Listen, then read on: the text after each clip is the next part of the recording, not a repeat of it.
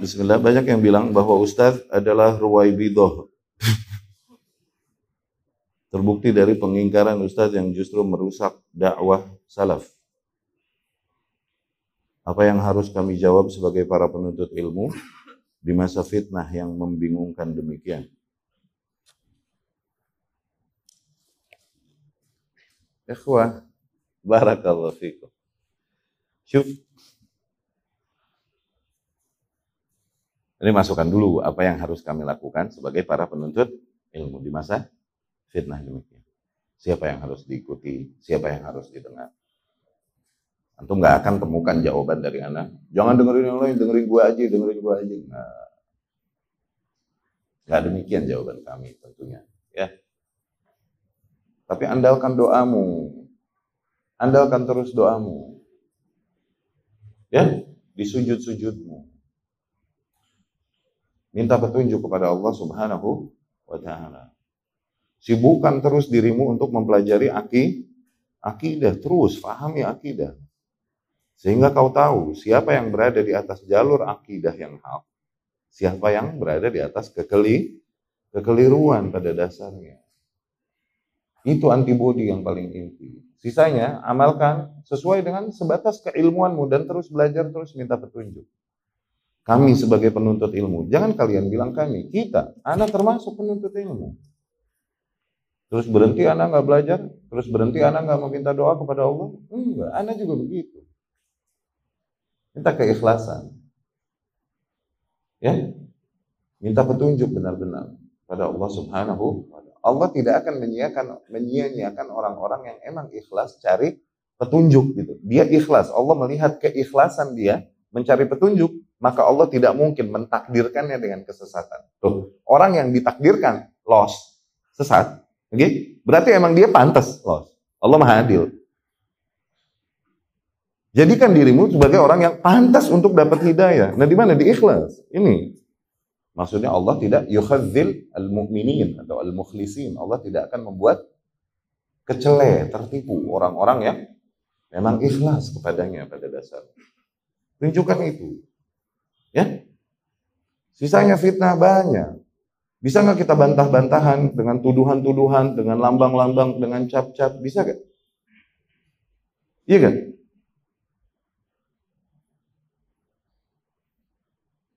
Sedih nggak kita dengan kondisi ini? Eh, inilah ujian. Sedih-sedih. Tapi itulah ujian.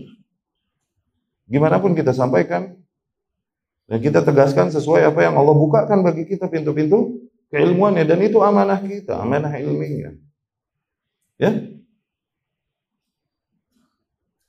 Kalaupun akhirnya mesti bertentangan dengan arus umumnya manu, manusia, gimana dong? Ini bentuk amanah. Eh? La takhunu Allah wa rasulah wa takhunu amanatikum wa antum janganlah kalian khianati Allah, khianati Rasulnya, khianati amanat yang ada pada kalian. Wa antum ta'lamun, sementara kalian mengetahuinya. Yang di masa ketika manusia melihat penyimpangan dan kebatilan adalah hak dan kemuliaan. Tuh, kau memiliki amanah untuk mengingkari mereka dan menegaskan bahwa yang mereka lakukan justru kebatilan, kerusakan. Bukanlah justru kemuliaan dan ibadah dan perjuangan sebagaimana yang mereka katakan. Kalau praktek demikian, mengingkari hal ini, dengan demikian seseorang dicap ruwaibidah, ruwaibidah deh, udah nggak apa-apa, gimana cap doang. Iya kan, dikata wahabi, misal, no wahebong, no Ustaz wahebong. Kalau wahabi maknanya mengikuti kemurnian sunnah Rasulullah SAW, wahabi wahabi deh gue, ada apa ya? Kenapa yang ngecap? Bisa nggak kita membuat semua manusia ridho sama kita? Bodoh amat, kita nggak nolongin kita di akhirat. Dan ini bentuk nasihat, bentuk cinta kita sebenarnya memperingatkan hal itu, menyampaikan ancaman-ancaman syariat dari kelakuan-kelakuan dan kerusakan-kerusakan yang mereka lakukan. Ini amanah. Kenapa kau memilih untuk menjadi pengkhianat yang tidak menyampaikan amanah? Malah mengingkari orang yang menyampaikan amanah tersebut. Imam Syafi'i dulu suka muji-muji ahlul bait. Suka menyanjung ahlul bait. Zen, dituduhlah dia Rafidah. Syiah. Akhirnya Imam Syafi'i berkata, In kanat rafid, apabila rafidah maknanya adalah hubbu alil bait, mencintai alul bait, falyashhad al Maka agar para jin dan manusia bersaksi bahwa anni rafidi, bahwasanya aku ni rafidah. Kenapa emang? Cap doang kok. Kenapa yang ngecap? Oke? Jadi kalau ditanya apa yang harus kami lakukan sebagai penuntut ilmu di zaman membingungkan demikian, itu mah ada nasihatnya, tuntut ilmu terus pelajari akidah dan terus memohon kepada Allah Subhanahu wa taala. Ini ini baru personal, oke? Okay? Nah, barulah Anda bantah dengan apa yang dituduhkan kepada Anda nih, oke? Okay? Oke, okay? Anda, anda menjawab apa yang dituduhkan atas Anda. Yang untuk sampaikan demikian. Kalau ruwaibidah maknanya menegaskan usul ahlu sunnah, Ketika manusia melihat bahwasanya bid'ah dan penyimpangan tersebut adalah bentuk ibadah dan jihad, perjuangan dan perbaikan. Padahal itu kerusakan, kebid'ahan. Kalau ruwaibidah artinya adalah menegaskan tauhid, mengingkari kesyirikan. Kita ruwaibidah. Sewaj, wa malu. Kenapa kau yang memecat? Terus berhenti dakwah ente gara-gara dikata kita nggak ngejar ridho manusia. Ya udah, maju terus. Iya kan? Kita nggak kita nggak berdakwah hanya karena demi para manusia menerima kita dan memuji kita kan. Maka konsekuensinya ketika mereka menghina kita, mencela kita, apakah kita berhenti dakwah? Emang untuk itu kita dakwah? Enggak. Pengingkaran Ustaz justru merusak dakwah salaf. Ya. Pengingkaran adalah 50% dari hak ya. Hak itu 50% yang isbat, 50% yang nafi. Iya kan? Hak itu 50% yang ini loh yang hak. 50% yang mengingkari yang berlawanan dengan hak. Makanya tauhid itu nggak cukup dengan mengatakan Allah adalah Tuhan. Mesti berkata tidak ada Tuhan lain. Tuhan lain semua batil kecuali hanya Allah. Baru sempurna tauhid. Gitu kan? Pengingkaran ini 50% hak. Mengingkari penyimpangan, ahlu syirik, ahlul batil, ahlul bid'ah. Ini usul besar di kita. Yang akhirnya ditinggalkan manusia sedikit demi sedikit. Dan kemudian semakin abu, semakin diaibkan orang yang mendirikan pengingkaran demikian.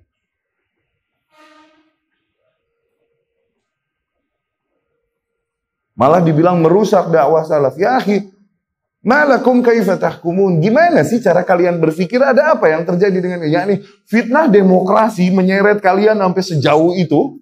Fitnah hizbiyah, harakiyah, dan fitnah demokratiyah menyeret kalian sampai sejauh itu justru. Allah musta'an. Merusak dakwah salaf adalah ketika membawa dakwah, mengatasnamakan dakwah, kemudian menyeret para mad'u ke arah politik, itu merusak baru. Untuk mendukung si fulan, mengingkari si alan. Mendakwah salaf, eh, merusak dakwah salaf adalah ketika seseorang, oke, okay, bergerak atas nama dakwah salaf dan kemudian menuliskan di medsosnya celaan-celaan kepada pemerintah. Itu merusak dakwah salaf. Mana yang lebih merusak dakwah salaf? Yang mana? Yuk. Merusak dakwah salaf adalah menunggangi fatwa ulama, akhafud dararain, diterjemahkan di lapangan, akhafud dararain itu artinya pilih yang itu. Tuh. Itu merusak dakwah salaf. Merusak dakwah salaf adalah bikin kajian-kajian sebagaimana yang mereka dan golongan mereka lakukan. Khusus untuk orang-orang kaya, per orang bayar 7 juta, 9 juta, 14 juta di villa-villa mewah. Demi dakwah. Itu merusak dakwah. Bagaimana loh? Jadi kita yang ngerusak bagaimana? Kenapa jadi keder? Sejauh itukah fitnah demokrasi menyeret kalian sampai sejauh itu? Akhirnya kalian mengingkari orang yang menegaskan usul ahlu sunnah. Sebenarnya standar adab ya. Kalau ada seorang ahlu sunnah mengatakan perkataan yang multi tafsir, arahkan maknanya sesuai dengan kaidah-kaidah. Bukan justru diingkar. Sebenarnya begitu. Cuman kita udah nggak berharap lagi adab sama mereka.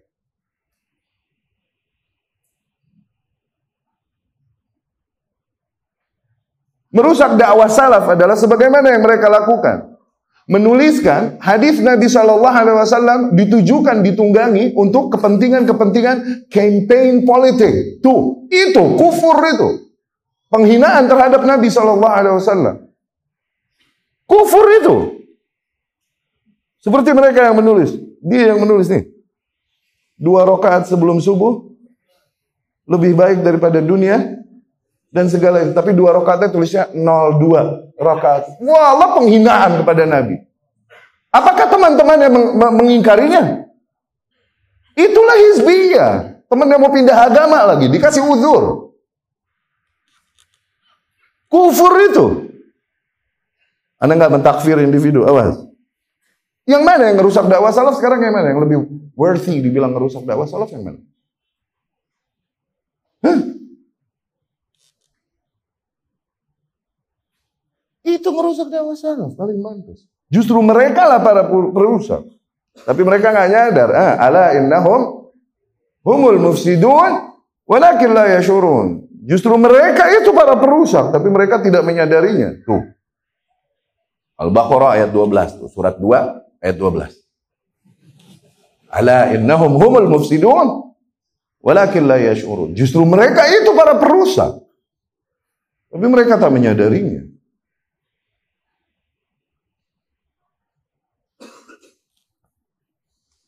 Itu merusak.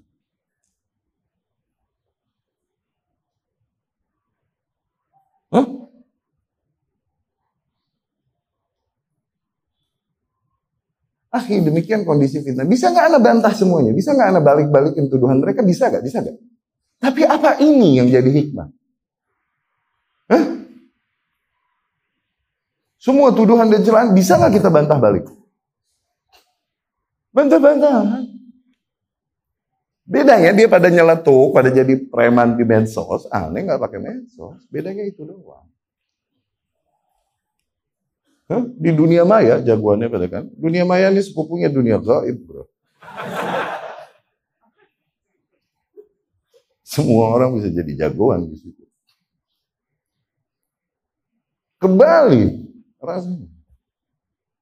Jadilah kun rajulan hakikian di antara mereka Allah yahdihim. Allah kasih.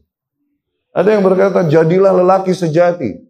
Kalau kau memang klarifikasi, maka tampakkan klarifikasimu. Katanya begitu loh.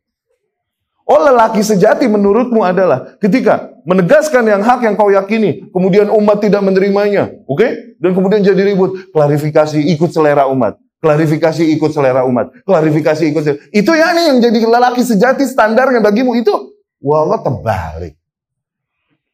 Buat anak lelaki sejati tahan. Kalaupun ditekan. Ini lelaki sejati. Hold on. Itu sahabat. Walaupun dunia menekanmu. Selama Allah masih kasih taufik, tahan. Yang mana yang lebih layak dibilang lelaki sejati? Yang ngikutin kemauan pasar, klarifikasi-klarifikasi atas ketegasan yang gak sesuai dengan selera pasar, gitu? Seperti dokter-dokter klarifikasi itu. Jurusan S3-nya apa? Jurusan klarifikasi.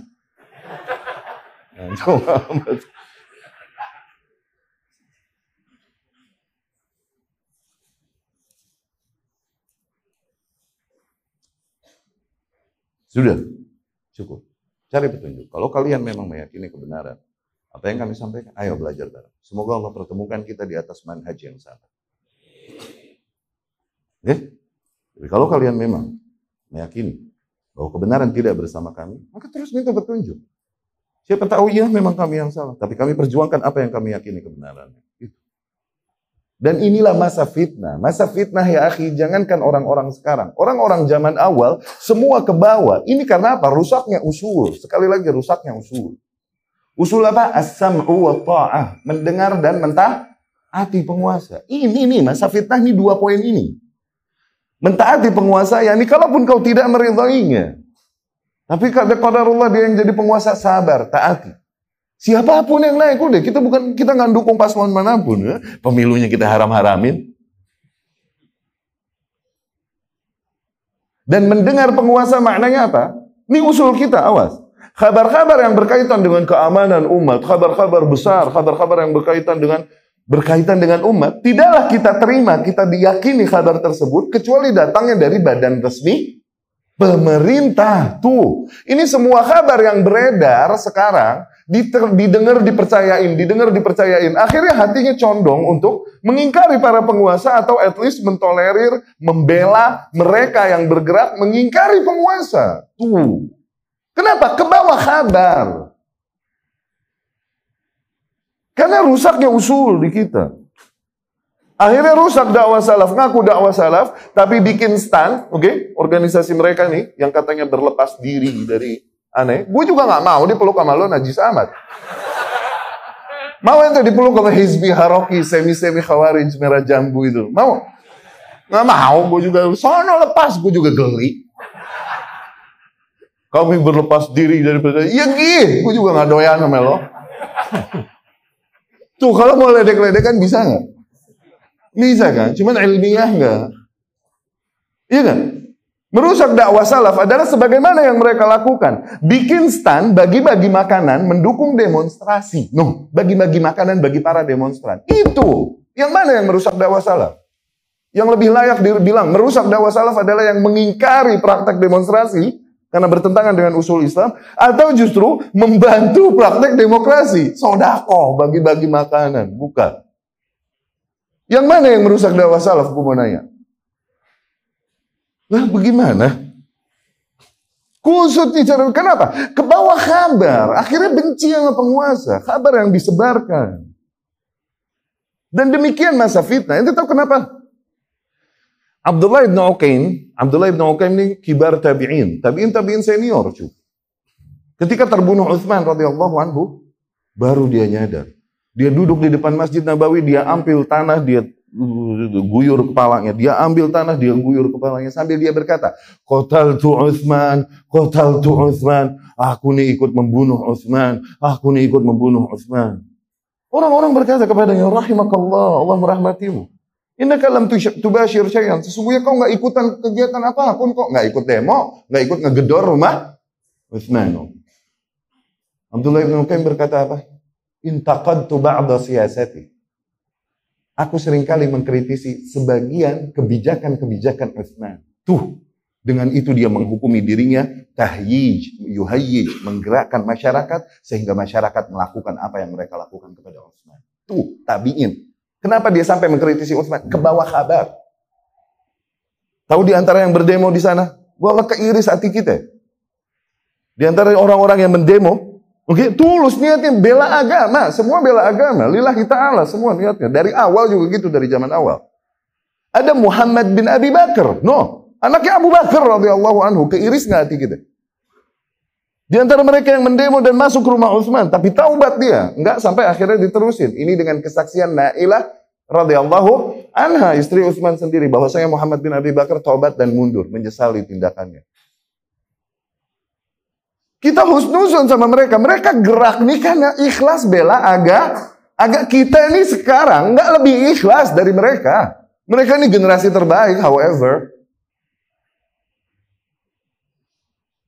Itu fitnah kabar. Tahu kenapa Ali bin Abi Thalib nggak bisa ngangkat pembunuh Utsman? Nggak bisa. Kenapa? Hah? Karena pada saat itu demonstran banyak tersebar di antara para masyarakat, di antara rumah-rumah kaum muslimin. Udah pada balik ke negerinya masing-masing, yang Kufahnya, yang Basrahnya, yang Mesirnya, udah berada pada kabilah masing-masing. Zen, kalau ditangkap satu, kabilahnya ngamuk dua ribu. No, sebagaimana terjadi pada perang Jamal satu ketika Talha Zubair radhiyallahu anhum sama Ummul Mukminin Aisyah ke Kufah mau menangkap beberapa pembunuh Utsman. Akhirnya apa? Yang bergerak sepasukan, padahal dia cuma mau nangkap satu. Yang bergerak sepasukan bersama kabilahnya dan pasukannya melawan kepada Ummul Mukminin Aisyah, Zubair dan Talha terjadilah perang Jamal satu nih, yang dibilang perang Jamal satu. Ingat nggak? Si Rofitna. Tuh, kita hidup di masa itu. Kita tahu saudara kita, sepupu kita, ngebunuh Utsman. Kalau akidah kita beres, kita nggak mau belain dia. Tapi pada saat itu manusia ikut belain saudara. Kenapa? Karena ikut terbawa fitnah. Para manusia membenarkan apa yang tersebar. Kabar buruk tentang Utsman. No. pada benci sama Utsman bin bukan astagfirullah, pada menyayangkan tindakan Utsman dari situ mentolerir tindakan mereka yang demo dan sampai kebangetan sama Utsman. Buktinya apa? Buktinya masih belain, nggak semudah itu dicomotin kan para demonstran. Kabilahnya masih belain, coba kabilahnya sadar. Dia udah bunuh sahabat Rasul nih, pakai gua belain deh, mau sepupu lagi. Iya gak?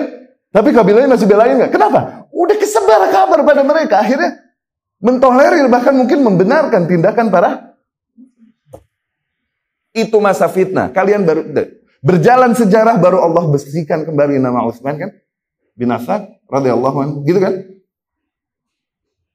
Nanti beberapa tahun setelah hal ini, kalian baru menyadari sesungguhnya apa yang kami ingkari, apa yang kami tegaskan itu tepat.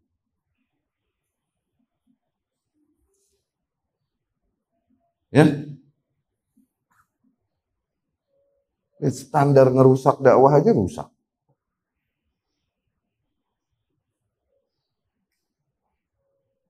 Iya? Masih banyak lagi. Kalau Anda mau ingkarin balik bisa nggak? Masih banyak lagi nggak? Tapi apa itu tujuan kita? Hah? Balas-balasan. Aku-akuan. Seolah-olah perkataanku ini yang mewakili salaf. Dan ush, apaan sih, apaan sih? Enggak. Udah sibukkan diri dengan tugas kita terus tuntut ilmu, sampaikan, tuntut ilmu, sampaikan. Gimana pun rintangan di jalan pasti akan ada, pasti akan ada.